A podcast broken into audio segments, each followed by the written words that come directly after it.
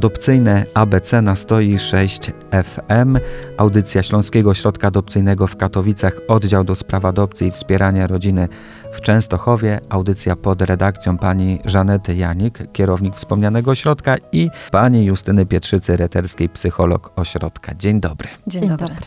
Marcin Bernaś przed mikrofonem i tradycyjnie zapraszam do pozostania razem z nami. Jeszcze przypomnę adres naszej strony internetowej, gdzie mogą Państwo znaleźć archiwalne nagrania w tym cyklu y, radiojasnagora.pl, zakładka audycje pod literką A adopcyjne ABC. Tam już kilka nagrań przygotowanych w tym sezonie dotyczących poszczególnych haseł z liter alfabetu. Było o adopcji, było o akcie urodzenia, było o biologicznych rodzicach. Tydzień temu było o czasie oczekiwania i do tego czasu oczekiwania jeszcze jednym pytaniem chciałbym powrócić, bo mniej więcej nakreśliliśmy, oczywiście to sprawa indywidualna, jak długo trwa ten moment y, przyjęcia pod swój dach y, dziecka. Rozkłada się on różnie, może być po dwóch, trzech dniach od skończenia szkolenia, aż nawet po trzy lata, może nawet i dłużej. A jak wygląda ten okres, kiedy rodzice dowiadują się o tym, że dziecko czeka na nich, zaczynają się spotkania w ośrodku, gdzie dziecko przybywa. Tak, to jakby tutaj jest kwestia już e, jakby gotowości też rodziny. My dzwonimy do rodziny, rodzina do nas jak najszybciej, najczęściej e, jednak się to zdarza. E, rodzina do nas przyjeżdża. Bywa tak, że nawet jeśli zadzwonimy w godzinach porannych, bywa tak, że rodziny w tym samym już dniu. Nie są. Tak, potrafi tak być, że rodziny w tym samym dniu potrafią nas odwiedzić i już czytać tak i dowiadywać się, co to jest za dziecko czy dzieci. Bywa tak, że na kolejny dzień, więc jakby to tutaj rodziny naprawdę w, miarę mhm. bardzo szybko przyjeżdżają i nas odwiedzają. Czyli najpierw jest spotkanie w ośrodku, a później jedziemy do placówki, gdzie dziecko przebywa, tak. po to, aby się z nim spotkać. Tak, tak. Najpierw mamy tutaj, małżonkowie zapoznają się z dokumentacją e, dziecka. Jeśli po zapoznaniu się są otwarci i gotowi, no to wtedy e, jakby umawiamy spotkanie. Najczęściej jest to w przeciągu tak naprawdę kilku dni, no bo czy placówka, czy rodzina zastępcza, w której przebywa dziecko. My jesteśmy w stałym kontakcie i oni wiedzą, więc też są gotowi na, na to spotkanie z tym rodzicami adopcyjnymi. Dziś pod literką C chcemy tak naprawdę docelowo opracować dwa zagadnienia: choroba sieroca i chrzest święty. Za moment do tych haseł powrócimy, ale jeszcze jedno pytanie, obiecuję, że ostatnie w tym zagadnieniu, w czasie oczekiwania. Jak długo trwa okres od spotkania kandydatów na rodziców adopcyjnych z dzieckiem w ośrodku, w placówce do zabrania tego dziecka już do swojego domu? No tutaj bardzo indywidualnie, dlatego że y, jakby rodzice, różnie tutaj rodziny tak naprawdę składają wniosek do sądu, to jest ich gotowość. Też mówimy rodzinom, że nie może to trwać kilka miesięcy, ale są rodziny takie, które na przykład po trzech spotkaniach e, dzwonią i mówią, tak, jesteśmy gotowi, chcemy składać dokumentację do sądu i wtedy my im to wszystko też tutaj przygotowujemy. Są rodziny takie, które dopiero po kilku tygodniach składają ten wniosek, więc to jest też bardzo indywidualnie. I kwestia kolejna, kwestia sądu, tak? Zależy jaki sąd, y, jak szybko wydaje nam to postanowienie o powierzeniu pieczy na czas postępowania. Czyli to nie jest tak, że przyjeżdżamy do ośrodka czy do rodziny zastępczej, zabieramy dziecko na drugi dzień do samochodu, pakujemy i wywozimy nie, nie, do domu. Nie, tutaj jest proces, w którym jakby rodzice się poznają z dzieckiem, to dziecko musi być gotowe, żeby jechać i zamieszkać też z tymi e, rodzicami, tak? Mhm. Więc jakby no, jeśli jeszcze w szczególności, jeśli mówimy tutaj o takim troszkę starszym dziecku, starszym, tak naprawdę no, mówimy tutaj nawet już o dwuletnim, no ono musi znać te, tych ludzi, musi e, no, muszą oni się poznać, żeby móc wspólnie zamieszkać. No bo to jest ogromny skok dla takiego dzieciaka, niezależnie czy ono ma 2, 3, 4, 5 czy 10 lat, kiedy jest zabierany od rodziców biologicznych, trafia do ośrodka hmm. lub do rodziny zastępczej. Tam następuje jakaś klimatyzacja i za chwilę pojawiają się znowu jacyś nowi ludzie, którzy chcą mnie zabrać hmm. i przystosować trochę inaczej do życia. No, także to jest naprawdę czas. Czasami jest tak, że to dziecko potrzebuje więcej czasu. Tu rodzice są gotowi, natomiast no, czekamy jeszcze na złożenie tego wniosku z uwagi na to, że to dziecko wiemy, że jeszcze nie jest gotowe, że jeszcze potrzebuje. To jest, mówimy, no, bardzo, bardzo indywidualnie. Bo może cierpieć na tak zwaną chorobę sierocą, pani Justyno. Tak. Nie ma tak naprawdę takiej jednostki chorobowej, ale jednak potocznie przyjęło się używanie takiego określenia, pod którym no, rozumiemy zachowania, reakcje dzieci wynikające e, właśnie z pobytu zazwyczaj w takiej instytucjonalnej pieczy zastępczej. E, no jest to tak reakcja dziecka, jego układu nerwowego na, na tą traumę porzucenia, na brak e, bliskości, brak więzi, tak, czy zerwane więzi z tymi najbliższymi osobami. Tak mówi się, że, że, że jest to choroba braku miłości tak, bliskości. Każdy człowiek, a zwłaszcza dziecko, zwłaszcza małe dziecko, potrzebuje do właściwego rozwoju e, relacji z drugą osobą. To jest e, coś absolutnie kluczowego i te badania nad więziami, które, czy nawet y, tak lata temu prowadzone takie eksperymenty, badania pokazały, że ta relacja, ta bliskość z drugą osobą jest nawet nadrzędna mhm. wobec y, pożywienia, wobec, y, wobec takich fizjologicznych potrzeb, jest po prostu kluczowa dla życia. To ja teraz coś wam opowiem, bo w te wakacje spotkałem po kilku latach takiego dobrego kolegę z lat licealnych. On jest w tej chwili ratownikiem medycznym i opowiadał mi o takiej sytuacji, sytuacji z jednego ze swoich dyżurów. Kiedy to mówił, miał łzy w oczach i mówi: Marcin, to mi pozostanie do końca życia. Nawet dzisiaj, kiedy po kilku miesiącach to wspominam, nie potrafię przejść obok tego obojętnie, powstrzymać jakichś swoich emocji i uczuć. Mówi, że miał kiedyś taką interwencję, kiedy pojechał do rodziny, żeby zabrać stamtąd dziecko, któremu działa się krzywda. I pamięta moment, kiedy wszedł do tego domu, to dziecko rzuciło mu się w ramiona i nie chciało go przez kilka godzin puścić. Było tak głodne uczuć, przytulenia, takiego zainteresowania się. To dziecko prawdopodobnie nigdy mhm. nie doświadczyło ze strony swoich rodziców biologicznych właśnie takich ciepła, zainteresowania i mówi, to mi zostanie do końca życia. Też mu pokazało, jak człowiek mhm. jest spragniony mhm. bliskości drugiego człowieka, nie mówiąc już o dziecku takie historie tak oczywiście łamią serce, tak, i, i chwytają za serce, pokazują, e, jak bardzo to jest ważne, jak bardzo to jest potrzebne. No obecnie może w mniejszym, dzięki temu, że, że w mniejszym stopniu y, mniej dzieci przebywa w takiej instytucjonalnej pieczy zastępczej, zwłaszcza tych małych dzieci. Nacisk jest na taką rodzinną pieczę, na rodziny zastępcze, rodzinne domy dziecka.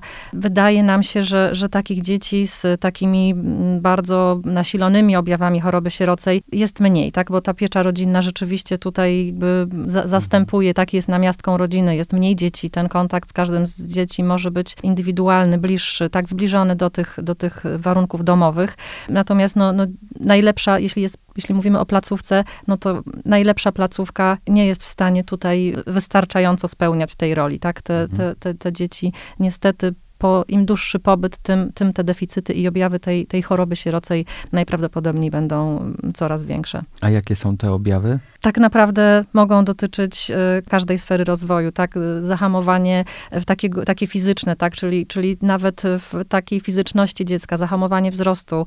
Y, wielokrotnie od rodzin już adopcyjnych y, słyszałyśmy, że, że dziecko w krótkim czasie po adopcji fizycznie się zmieniło w tym sensie, że, że, że urosło, tak? O kilka centymetrów nabrało e, ciała, tak? No przecież ono wcześniej też jadło, też było zaopiekowane pod tym względem takim biologicznym, tak? Takim podstawowych potrzeb. Tak natomiast to, to naprawdę widać, że, że te dzieci nawet pod takim elementarnym, podsta- na takim podstawowym poziomie po prostu rozkwitają, tak?